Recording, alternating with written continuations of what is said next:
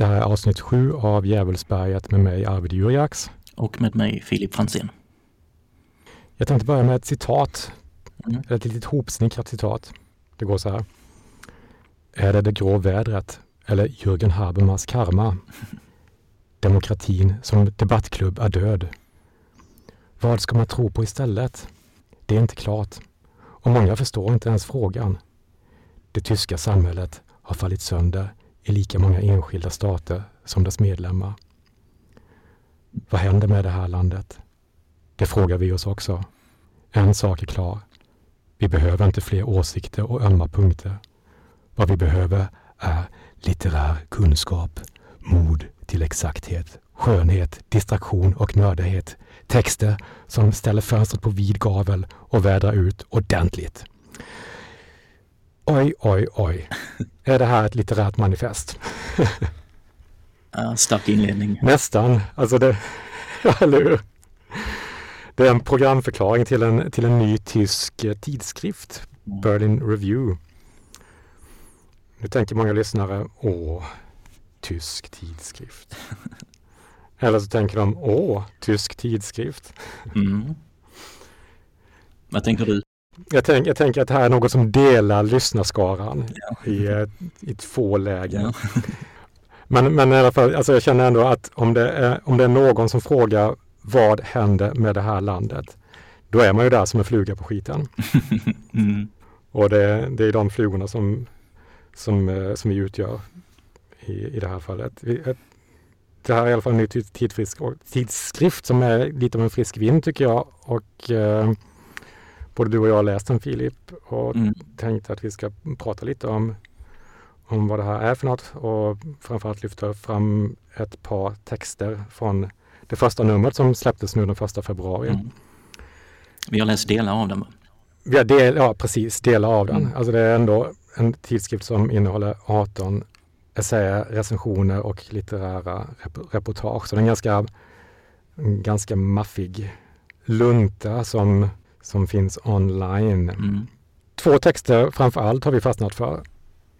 Och de berör lite de teman som vi har pratat om tidigare i podden. Ja. Den ena är av den palestinska författaren Adania Shibli Mm. som eh, jag vet inte om du har sett eh, henne eh, sedan, sedan den här cirkusen på bokmässan i Frankfurt satte igång. Om, om hon har uttalat sig om detta Nej, på något sätt efter det. Jag, jag känner inte till någonting. I alla fall. Men eh, jag kan inte svära på att det har varit helt tyst. Nej, Men jag tror det uppfattas nog av många som att nu, nu uttalar hon sig till sist efter det här och ger sin syn på saken. precis. Vi ska prata om den texten och så ska vi prata om Ivan Krastev och Stefan Holms. Stephen Holmes? Stefan Holmes?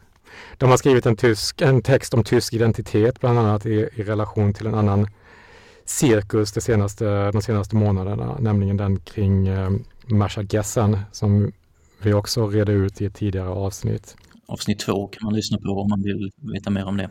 Precis, vi har ju pratat ganska mycket om, my- mycket om de här båda separata fallen. Mm. Men Krastev och Holmes har ett par intressanta idéer om Tyskland och dess alltmer kapsejs- kapsejsade relation till Israel. Jag kommer med ett till citat då. Eh, de säger att den tyska identitetens tragik, så som den avslöjat sig själv i fallet med Masha Gessen, skiljer sig på många sätt från vad som förts fram i den kraftiga kritiken mot tysk moralism. Det handlar inte om tyskt hycklande. Det handlar om tysk rigiditet, om oförmågan att anpassa sig till en värld som förändras i konvulsioner. Mm.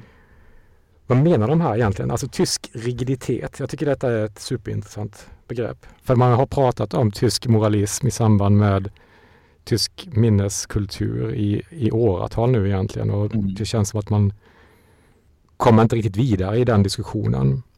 Nej, Alltså kortfattat kan man ju också säga Masha Gessen skulle få ett pris eh, i, i Tyskland men fick, eh, möttes av en shitstorm efter att ha jämfört Gazaremsan med, med getton under, andra världskriget, judiska getton under andra världskriget. mm. Och, och detta är ju då den tyska moralismen då som man pratat om som, som gör att den här typen av jämförelser är tabubelagda. Gessen gick ju också ganska hårt åt hur Tyskland förhöll sig till detta rent generellt.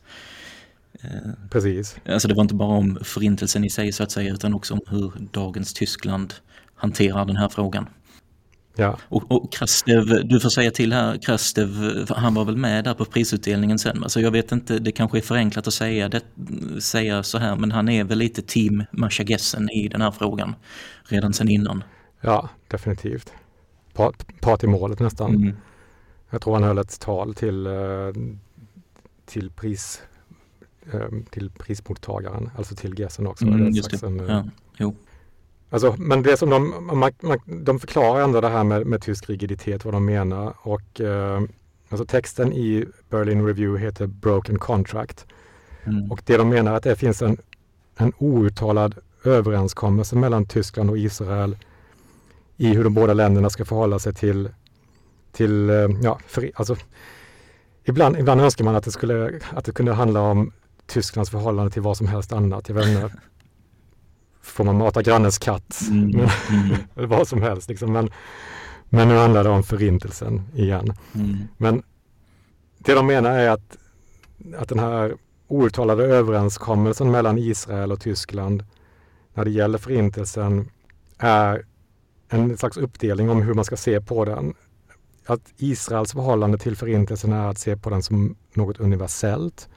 Medan Tyskland måste se på förintelsen i rollen som förövare. Mm. Och därigenom också betrakta den som singulär. Alltså det var vi som gjorde det.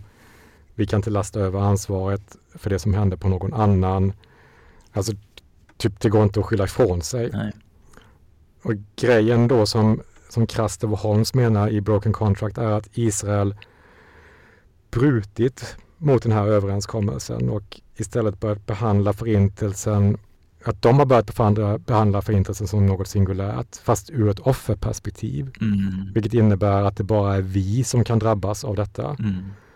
Och Tyskland då, och detta är vad de menar med tysk rigiditet, är att de förmår inte att se att Israel har gjort det här, alltså att de har brutit mot den här överenskommelsen och kan därför inte heller svara på de folkrättsbrott som landet nu uppenbarligen begår i den mot den palestinska befolkningen som svar på Hamas attacker. Mm. Och, då, och det har ju då att göra med den här inställningen såklart. Då, eh, obenägenheten att vara flexibel ja. i, gentemot de förändringar som sker i världen. Mm. Alltså vad tycker, vad tycker du om, eh, om det här begreppet Filip? Eh, nej, men det känns intuitivt som att det ligger någonting i det. Eh, att det finns en slags trögrörlighet i den här frågan. Och vi har ju, vi diskuterar väl det, det var väl just i avsnitt två tror jag, eller möjligen avsnitt ett, där vi hade uppe den här frågan om Israel-Palestina och om Masha Gessen att, att det förekommer ett slags kritik, ofta utomlands, mot Tyskland och hur den tyska debatten för den här frågan. Man kan inte svara mot, mot det, eller man, det liksom rinner av den som vattnet på en gås lite grann. Exakt exakt. Och jag tycker det framgår, för den här, eh, den här nya tidskriften den, eh, den har ju också en slags ledartext eller en linjetext som, eller någon slags programförklaring. Och jag tycker det finns en ganska stark mm. underton i den texten som handlar om att, eller det står rakt ut på något enstaka ställe, ställe också att att det förekommer en kritik utomlands och att många, framförallt brittisk press, alltså att man höjer på ögonbrynen där och Tyskland undrar hur, hur är det egentligen ställt med den tyska debatten. Eh, och att, mm. att den kritiken inte riktigt får något, får något fäste i Tyskland. Men, men den här tidskriften kan väl ändå ses som någon slags reaktion på det att nu, nu kommer Ivan Krastev till tals här och för fram sitt resonemang och även Adanja Shibli som då blev eller fick sitt, eh, fick sitt pris mm. tillbakadraget i Frankfurtmässan som också varit en stor, stor skandal. Precis. Och det, men det, jag håller med om det att, den, att eh, så som man läser den här programförklaringen eller ledaren till det första numret ger ju ändå ett intryck av att man vill öppna upp lite mer eh, i den tyska offentligheten eller ge mer plats för för andra röster som, som inte följer kanske den konsensus kring vad Tyskland är. Jag vet inte. Ja, Eh, precis. Alltså det, det, det, det, lite, det känns som att det finns en lite, lite mer fräschör i eh, angreppssättet här egentligen. ja, och det förekommer formuleringar som att eh, Alltså till exempel då Danja Schibli och möjligen också Ivan Krastev att de, de har inte förstått tysk känslighet och, och tyska regler för hur diskursen ska föras. Det är sådana såna formuleringar som finns med här när man introducerar det här nya initiativet, den här tidskriften. Alltså det, det finns en särskild Mm. tysk känslighet och att till exempel då så hänvisar man till amerikansk och brittisk media där, där kritikerna tidigare har kommit till tals. Men det, ja, så på något Mm. sätt är det kanske, kanske ett skifte i den här tyska rigiditeten att det nu ändå sker. Mm. Och att någon eh, åtminstone ser den. Ja. Eller sätter ett finger på den. Mm. Men jag tycker, det var ett, jag tycker det var ett begrepp som eh, friskade upp lite grann. eh, Det här med tysk rigiditet. Och det är säkert någonting som man kan använda också på flera andra aspekter, inte bara förhållande till förintelsen. Kan vi se om det är någonting som vi kan återkomma till längre fram Det, känns, det låter som att du, i eh, du sparar på den och plockar fram den när det kommer, kommer till användning. Det kommer, kommer vara mitt eh, S i rockärmen. Precis. Den andra texten som vi pratat om, eller som vi redan har nämnt då, eh, och som också är lite av en skräll, Adania Shibli. Eh, kort recap. Shibli som är palestinsk författare och bor i Israel skulle ta emot ett pris på bokmässan i Frankfurt. Fick veta att prisutdelningen skulle skjutas upp då bokmässan inte tyckte att det var läge att fira så tätt inpå efter Hamas attacker. Alltså detta var, jag tror det var tio dagar efter Mm. efter den 7 oktober. Allt detta skedde i samförstånd med Shibli, sa man, vilket inte stämde. Shibli blev helt enkelt cancellerad. Mm. Under året hade det också förekommit kritik mot Shiblis roman En oansenlig detalj som var den bok som skulle prisas på mässan. Alltså den anklagades då för att använda sig av antisemitiska tankefigurer och, och eh, Shibli själv anklagades för att stå nära BDS Mm. ja, prisutdelningen sköts upp, är fortfarande uppskjuten, kommer förmodligen heller aldrig att äga rum. Så som eh, om man läser Shiblis text eller så som man förstår det från hennes text. Mm. Och hon bemöter sina kritiker här va? Ja, på ett ganska fantastiskt sätt tycker jag. Alltså det finns... Jag njöt, jag njöt när jag läste den här texten. Den är full av sarkasm, humor men också djup, djup tragik. Alltså det är flera, och det är flera delar, jag, jag fastnade vid flera delar som jag tyckte var liksom smått geniala. Alltså redan i början så pratar hon om eh, hur hon varken kan läsa eller skriva efter, efter de här attackerna den 7 oktober. Mm. Och det enda som hon kan ta till sig är en nyhetstext om en orm som eh, försöker äta upp en igelkott. Mm. Och när igelkotten attackeras av ormen, ormen är då utsvulten och har inget annat val mer eller mindre än att gå på den här igelkotten som då spärrar ut sina taggar för att skydda sig mot attacken. Mm.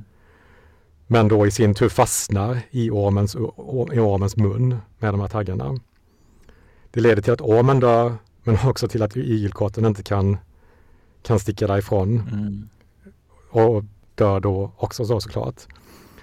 Och Shibli frågar sig då vem av de här två, eller hur rollerna då är uppdelade mellan de här två. Vem är Israel och vem är Palestina? Hon bemöter då också anklagelserna som har kommit om att hon uppmanat till våld, att hon står nära BDS och säger att hon önskar att litteraturens fiktioner också kunde få ett sådant genomslag som de här påhitten. Mm. Och en av de anklagelserna som, som har varit kanske som lyfts fram mest i debatten kring den här romanen är hur de här israeliska soldaterna som hon skildrar, alltså hon skildrar en situation där israeliska soldater kort efter Israels grundande 1949 mörda och eh, våldtar och mördar en beduinsk flick, flicka i öknen. Och de här soldaterna då skildras väldigt stumt på något sätt. Alltså de är ansiktslösa, har inga namn. Har de namn? Det har de nog. Men de är liksom så här mördarfigurer som, som rör sig på något sätt automatiskt i det här Mm. nya landet. Mm. Och den här anklagelsen då har man då kopplat ihop med att det är en antisemitisk generalisering och att det är ett sätt liksom att visa på hur Israel under den här tiden betedde sig som enligt anti- antisemitiska schabloner helt enkelt. Mm. Och hon menar ju då att alla, det som hon säger, vilket också är en ganska slagkraftigt svar på den här kritiken. Och det ser ju alla också som läser den här romanen tycker jag att alla hennes figurer i, i den här boken är ansiktslösa, anonyma varelser. Så hon svarar att den här kritikern avslöjar sin egen hållning i frågan genom att bara erkänna den ena sidan som ansiktslös. Precis. Hon, tänk, hon, hon inser ju då, skriver hon, att den här tyska kritikern, hon riktade framför in sig, framförallt in sig på en kritiker på tidningen Taz, att den här mannen då förmodligen alltid har sett på palestinier och araber i allmänhet som ansiktslösa och därför slår det honom inte att de också är det i den här boken, men däremot reagerar han på, på de israeliska figurerna i boken, att de är ansiktslösa. Jag tycker ändå det som slår mig när jag läser Shiblis text här, det är hon är, alltså hon är väldigt neutral i själva eh, frågan, alltså vad rör konflikten Israel-Palestina. Ja, det är sant. Och det tycker Den här, den, här, eh, den här liknelsen med ormen och igelkotten, alltså den, den frågan lämnas ju obesvarad. Om jag förstår det rätt. Va? Men hon säger ju också någonstans att hennes, hennes lojalitet ligger eller är till litteraturen på något sätt och att Mm. det är inte hennes uppgift och det är inte litteraturens uppgift att, att leda till, en, till politiska förändringar. Alltså hon frånsäger sig på något sätt den, den rollen eller den rollen som en författare och intellektuell gärna kan ta. Eh, Mm. hon, hon antar ju inte den rollen. Alltså, då skriver hon också att hon säger, hon säger någonstans i texten att litteraturens relevans handlar inte om att skapa förändring utan om intimitet, och reflektion. Mm. Att, få, att eh, få tillbaka människor till, eh, till oss själva. Alltså betydligt mer idealistiskt Mm. förhållningssätt. Och man kan ju anta också att hon aktar sig för att kanske ta ställning. Men det är också någonstans jag reagerar på i texten att hon pratar ju heller aldrig om den ena eller den andra sidans lidande. Hon nämner någonstans tidigt i texten också att alla de människor som, som lider i Israel och Palestina. Alltså hon tar med båda grupperna. Ja, hon gör ingen skillnad på dem där, utan hon pratar om alla människor som lider. Mm. Precis. Alltså någon slags universalistisk hållning. Mm. Men, hon, men, men, men det finns ju, det som jag tycker ändå gör den här texten bra, eller som jag, som jag gill, det som gör att jag gillar att läsa den är ju men sarkasmen på något sätt som hon, som hon bibehåller genom hela, hela alltet. Det finns ju den här klassiska Vi ses i min nästa roman trop också som hon till och med kör med. Där hon säger Mm. till, eh, till den här tyska kritiken då att om han någonsin, någonsin kommer att inspirera till en figur i en av mina kommande romaner så kommer han också minsann att vara namnlös och ansiktslös. Ja, jo, just det, det är sant. Mm. Alltså det finns den här Mm. och också att, eh, att det här priset då som förmodligen aldrig kommer att delas ut. Hon sitter fortfarande och väntar på att de ska höra av sig mer eller mindre. Mm. Och att hon då kommer att be dem skicka med post så kan hon fira den här ceremonin med, med brevbäraren som delar ut hennes post. Alltså, hon hon hå- håller ju verkligen huvudet högt i det här tycker jag.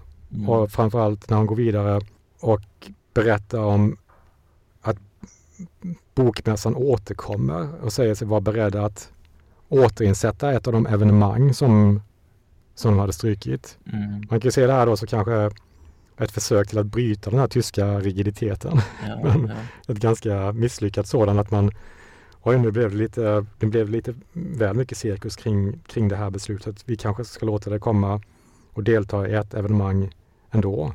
Mm. Vilket är ganska en ganska alltså, extremt dålig krishantering. Mm. Och hon skriver också om hur förbluffad hon, hon blir över att de cancelar den egna cancellingen.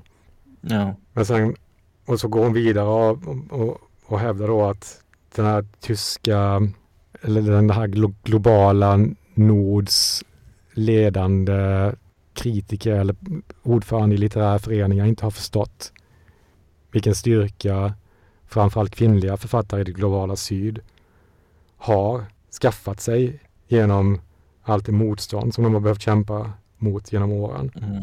Och hävdar då att kvinnliga författare från det globala syd är inte särskilt imponerande av det som de kallar söta små rasistiska hinder som mm. det globala nord lägger fram. Mm. Jag, jag, gillar den här, den här lite galghumoristiska sarkasmen som den här texten ändå präglas av. Mm. Jag tycker att det gör också Adania Shibli till en... Alltså jag tyckte hon var en väldigt intressant författare redan innan men jag tycker det här svaret är väldigt, väldigt vitalt. Mm. Och lite in your face. Det finns ju också, man kan gärna läsa den här texten för den finns också på, den finns på både tyska och på engelska på Berlin Review. Och den som intresserar sig också för Dania Shibis poetik och så, så finns det också, hon gör utläggningar om, om hur hon förhåller sig litterärt till, till det faktum att den här händelsen som skildrar i boken har ägt rum. Hon frånsäger sig lite grann den relevansen, eller hon menar att den typen av påpekanden att, att den här massaken på beduiner och våldtäkten och mordet på den här beduinska flickan att det är en historisk händelse spelar, spelar inte, som, inte någon som helst roll för, för henne i hennes litterära skapande och hon redogör för den här hållningen på ett ganska, ganska stiligt sätt också som, är, som jag tycker är läsvärt. Alltså jag blev imponerad av den här texten. Jag tycker det var en bra läsning.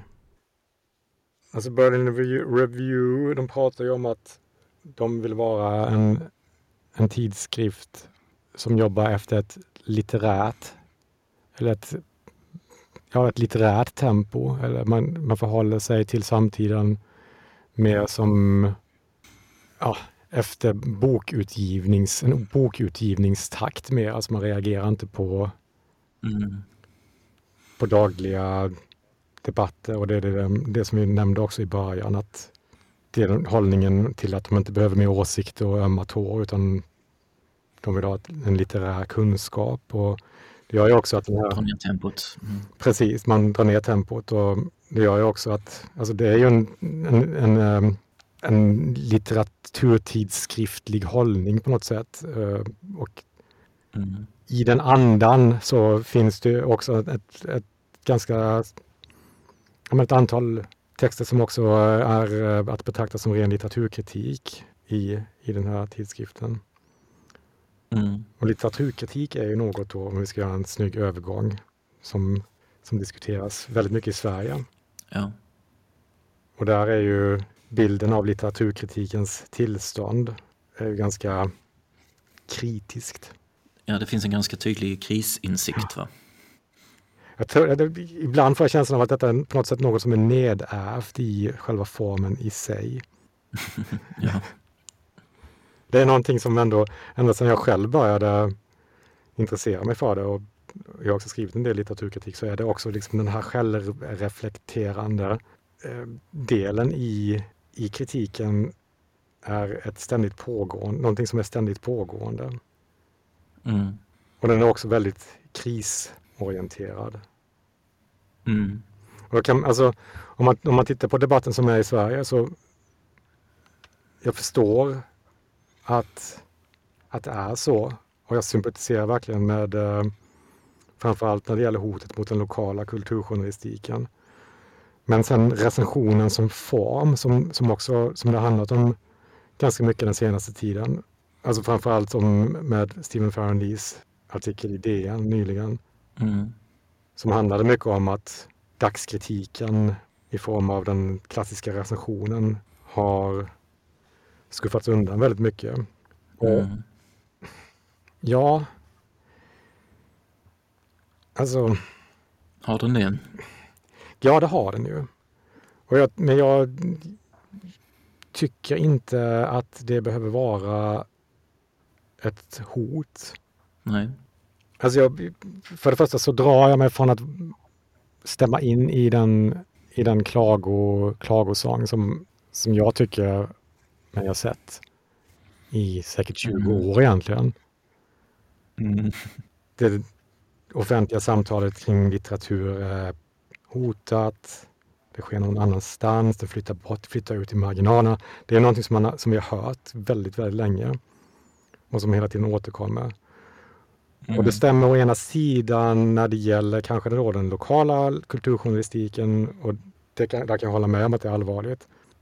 Men sen när det kommer till de stora dagstidningarna och sättet på det, som kulturjournalistik bedrivs där så är jag inte så alarmerad på det sättet.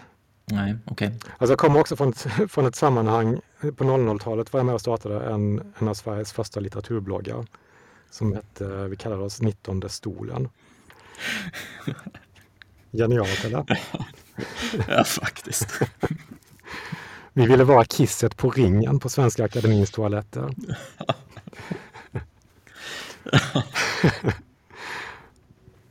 hela, vår, hela vår utgångspunkt var att kritiken eh, hade stelnat och måste förnya sig. Och detta är ändå liksom 15 år sedan.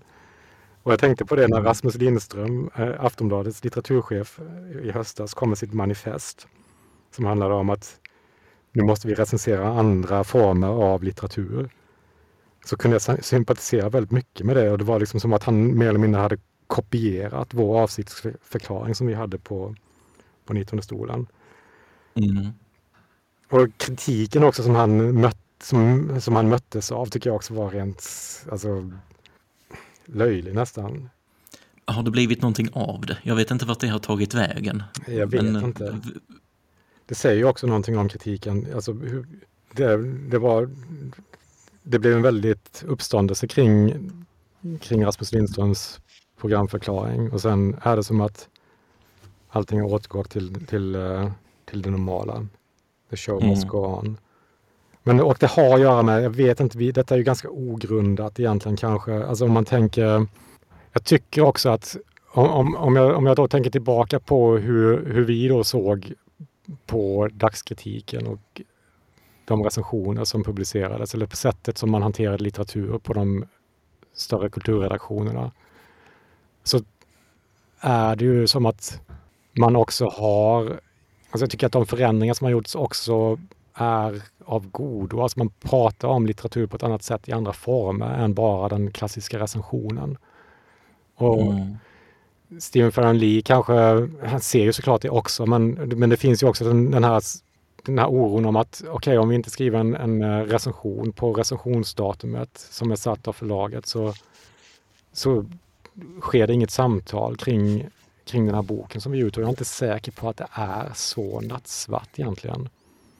Nej. Jag menar, litteraturkritik förs ju i många andra former idag också. Och det var det som vi tyckte behövdes också då när vi, när vi körde vår blogg. Att, att, den, att det finns andra forum för kritiken, där kritiken också passar minst lika bra eller gör sig lika bra som i, i den klassiska recensionen. Mm. Jag menar, att bara säga att den seriösa dagskritiken var det som gjorde att man som vilsen tonåring någon gång upptäckte Vital Gombrowicz och sörja över att den skulle då försvinna, som om det skulle vara ett argument för kritikens värde, den egna upplevelsen av den seriösa litteraturen. Vad händer med alla de som inte upptäckte någonting då i så fall? Om Mm. kritiken har en uppgift att öka läsandet så är det ju så har den ju också i sin nuvarande form i alla fall misslyckats eftersom läsandet trots allt minskar. Vilket också då är ett annat älsklingsämne för bland kritiker. Och då finns det ju, okej, men då kan man ju fråga sig, kan vi utföra kritik på ett annat sätt? Kan vi ha andra samtal kring litteratur som, som är minst lika värdefulla som, eller till och med värdefullare än den klassiska recensionen? Och det tror jag nog ändå. Mm. Det är min, eh, är min ståndpunkt. Tysk, och Tyskland eh, befinner sig någon helt annanstans känns det som. Jag tycker ändå att det finns, jag har tittat lite här nu den senaste tiden hur det här låter och det, det, finns kanske inte samma krisinsikt i Tyskland men det finns samma, samma lägesbeskrivning i stort sett tycker jag ändå. Mm. Eh, Jag hittade till exempel Journalistförbundet i Bayern, deras branschtidning, de släppte 2022 ett nummer som handlade helt och hållet om förändringar inom kulturjournalistiken och vad det beror på och vad man ska göra åt det och så vidare. Och, och själva anslaget där var frågan, sparar kulturjournalistiken sig till döds? Mm. Eh, och, och då gör man ungefär samma analys ändå, tycker jag. Och det, det handlar om att framförallt regional och lokal kulturbevakning läggs ner. Recensionerna blir allt färre, sägs det i alla fall. Jag vet inte, det presenteras inte några riktiga data på detta. Mm. Eh, men så intervjuar de då ett antal personer som är verksamma inom, eh, inom det här området och så är det en som den person som arrangerar Mozartfestivalen till exempel och hon berättar att ja, det blir allt svårare att få uppmärksamhet i tidningarna. Och så påstår hon bland annat att tidigare hade Frankfurt Allgemeine Zeitung fyra journalister som bevakade klassisk musik, men nu för tiden är det bara en. Så att det finns, alltså den här utvecklingen pågår även i Tyskland, även om den inte når riktigt hög, lika högt upp. Jag ägnade mig faktiskt åt en liten um, mini-undersökning här inför ja. dag, dagens avsnitt. Har du räknat recensioner? Ja, jag har faktiskt gjort det. Eh, och detta är ju då, eh, nu ska vi se här, vad jag har skrivit egentligen. Jo, jag, jag gjorde så att jag, jag satte mig ner igår. Vi, vi spelar in detta den 7 februari, kan tilläggas. Eh, och då satte jag mig ner igår och så räknade jag samman alla litteraturrecensioner i Dagens Nyheter, Svenska Dagbladet, Frankfurter Allgemeine Zeitung och Süddeutsche Zeitung under den senaste veckan, 31 januari till 6 februari. Mm. Detta är online då, hur det ser ut i papperstidningen vet jag inte. Vem tror du vinner med flest recensioner? Svenska Dagbladet. De kommer sist. Nej, är det sant?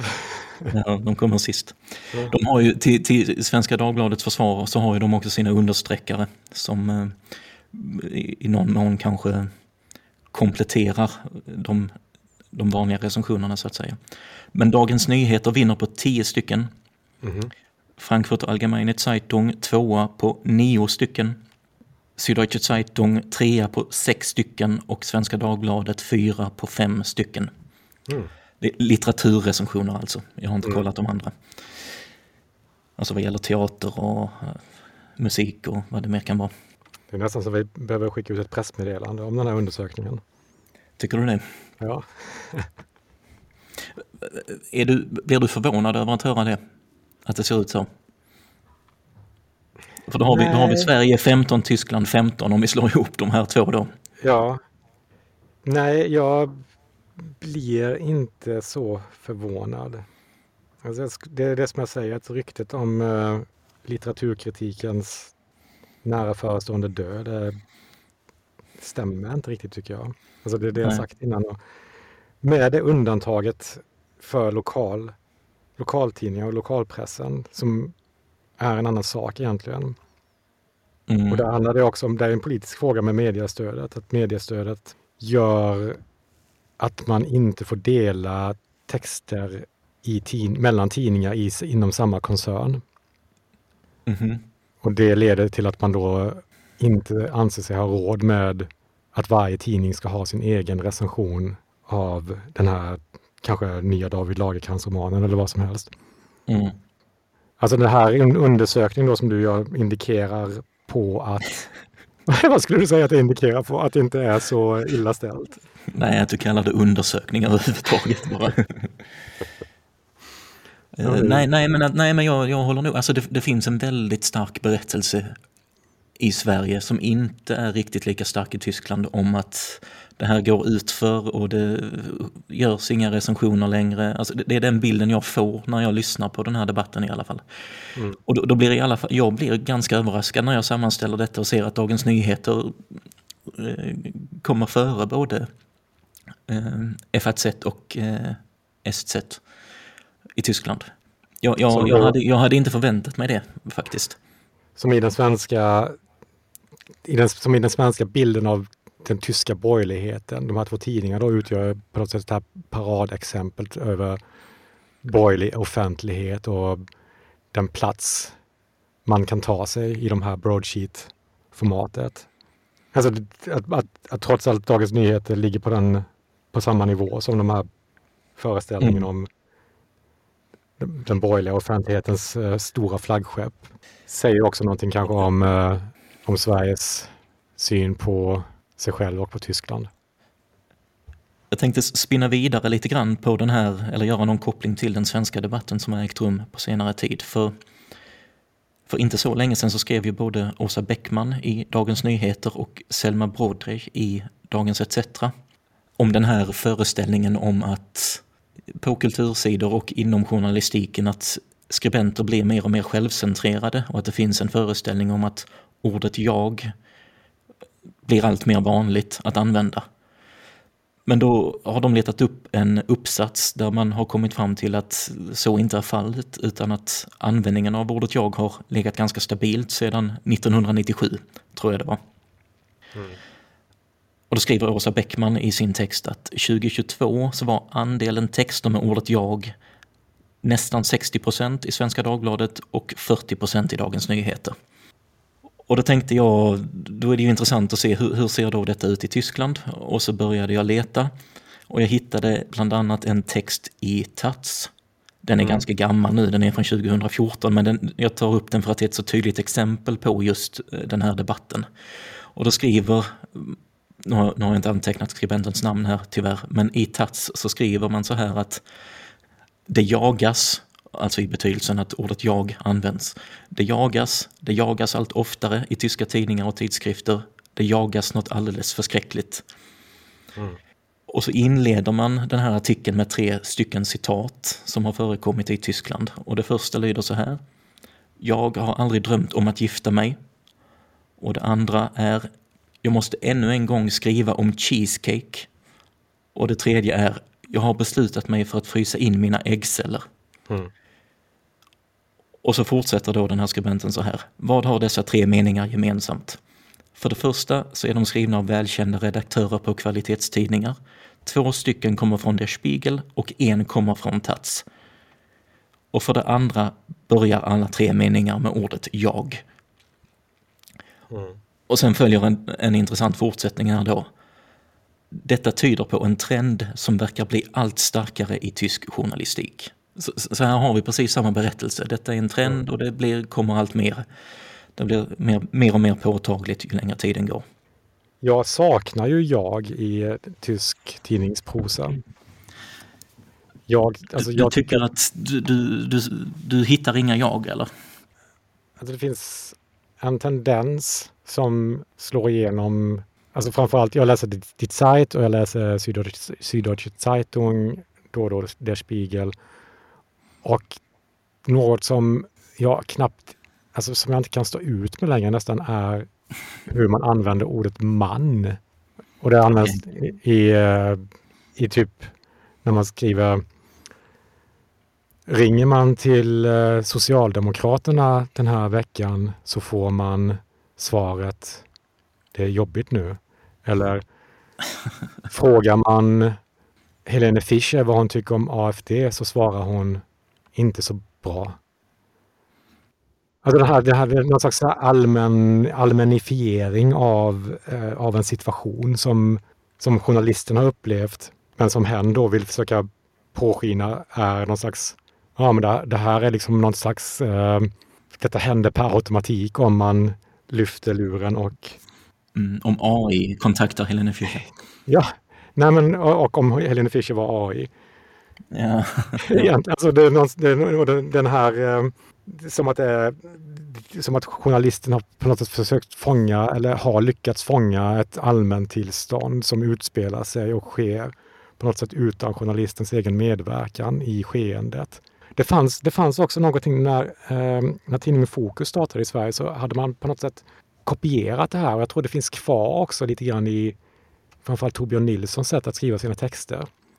när man idag ringer, när man de här dagarna ringer till Socialdemokraternas högkvarter så svarar, jag vet inte vem det är som svarar där egentligen, men så är det också den här liksom all, allmänifieringen av ett ganska liksom specifikt, en specifik händelse. Och det, det, det, är ett stilmedel som jag har tröttnat på. Och som jag har svårt att... Jag, gillar inte det längre. Och tycker det är så tröttsamt och slappt att läsa. Nej, okay. för, för, jag måste säga, jag, alltså jag håller inte alls med dig faktiskt. Ah, Alltså okay. jag, jag, ser det helt annorlunda. Men, men så, alltså de, här, de här exemplen jag läste upp ifrån Tats då. Mm. Alltså, alltså, att du har en redaktör på Der Spiegel som skriver om att jag har beslutat om att frysa in mina äggceller. Mm. Alltså det, det, det, förekommer ju. Och jag gjorde, jo, jo. jag gjorde en snabb, det, det, här ska inte, jag ska inte gå så långt som att kalla det här en undersökning, men jag snabbkollade eh, som hastigast innan idag. Eh, då gick jag först in på Süddeutsche Zeitung, klickade på kultur och då fick jag upp, det första jag såg det var en stor artikel om Sofie Oksanen som tydligen är bokaktuell i Tyskland. Det har kommit en tysk översättning av en bok. Jag läste mm. inte jättenoga så jag vet inte exakt vad det handlar om. Men då är det en det är alltså ingen recension eller kritik utan det är en, det är en form av intervju. Det är en skribent som gör ett besök hemma hos Sofie Oksanen i Helsingfors. Mm. Och då börjar texten så här. Sofie Oksanen är en nattuggla. Jag bjuds hem till hennes lägenhet i Kallio, ett gentrifierat arbetarkvarter i Helsingfors, klockan tre på eftermiddagen. Så redan i andra meningen har vi ett jag. Det, det, det är det första jag ser på Süddeutsche Zeitungs kultursida när jag går in idag. Och så gick jag vidare till Frankfurt, Frankfurt Allgemeine Zeitung. Och den första texten jag fick upp där, det handlade om Turkiet. Jag har svårt att kategorisera vad det var för typ av text, men det, den kallades för ett brev från Istanbul. Mm. Och då, då, är det en skribent som beskriver hur han går runt där på någon marknad eh, och så skriver han så här att bakom ståndet svängde jag in på en gränd och stötte på nästa överraskning. Gratis mat för studenter. Jag känner till små ställen som studenter besöker eftersom de är billiga, men gratis mat, ja, och så vidare. Men mm. även här är det jag, skribenten, som står i centrum. Alltså det, detta är, det är Tysklands två största dagstidningar och när jag går in på kultursidan så är de första texterna jag ser jag. Det är jag, jag, jag. Och jag tror, om, om jag ska ge mig på, nu kanske jag lägger ord i, i mun på dig här, men anledningen till att vi gör så olika tolkning av det här är att jag tillhör en av dem som är lite allergisk mot det här jagandet mm. i, i textform. Mm. Så att så fort jag ser att jag så hajar jag till och lägger märke till det. Mm. Och går kanske och retar mig lite på det, i, i vissa fall åtminstone. Men så du hade hellre, hellre velat se att man, man bjuds in till Sofie Oksanen? Man behöver inte, jag tycker att den inledningen är kass ändå. Alltså, vem behöver, varför ska man behöva redogöra att man har blivit inbjuden klockan 15? Men då, kan man, precis, men då kan man fråga sig, har skribenten överhuvudtaget en roll i själva texten? Eller ska man välja en helt annan vinkel? Man behöver, man behöver ju verkligen skriva jag eller man. Alltså, jag tycker att det är bättre att välja Okej, det är själva ordet man du inte fixar. Jag tycker att man som ersättning till jag, då är det bättre att skriva jag och sen kan man fundera, okej, okay, behöver jag skriva jag överhuvudtaget? Mm. Det är min. Sen tror jag kanske att det är olika. Det kanske är ett språk, alltså jag, jag läser framförallt i sajt och det kanske är ett språk som de kör med. Manspråket. Ja, I alltså det, det, fin, det, fin, ja, alltså det, det, finns ju, någonstans finns det ju ett empiriskt svar på den här frågan. Men, någonstans men, djupt, i, djupt i tidningslägorna. I ett framtida avsnitt ska jag göra en ännu djupare undersökning och se vad jag kommer fram till. Men, men, men, i mitt fall då, i och med att jag, eh, alltså jag, jag hajar till varje gång på det här. Och jag, jag, jag tycker att detta är ett för starkt fokus med jag. Och, och, och så, sent, så sent som i söndags så i Tagesspiegel, det är det jag läser mest noggrant på helgerna, mm. så, så, finns det en skribent som heter Sabine Renefans. Mm. Jag tror hon skriver för Der Spiegel också, möjligen ytterligare någonstans, jag vet inte riktigt. Men hon har i alla fall ett eget uppslag där på debattsidan varje söndag. Och den här helgen så var det bara jag, jag, jag, jag. Och, det, och så mm. handlar det om att hon, hon, har blivit missförstådd på något sätt, eller hon har blivit förväxlad med någon annan på något sätt. Mm. Ute på sociala medier. Eh, I samband med att hon deltog i någon tv-debatt. Och så pågår det något drev mot henne i sociala medier. Och så handlar det helt och hållet om hennes känslor inför det här och att hon skriver att hon känner sig hjälplös och det var min kompis som smsade och sa att du är överallt nu på sociala medier och så skriver hon det. Det, det, det är väldigt självcentrerat.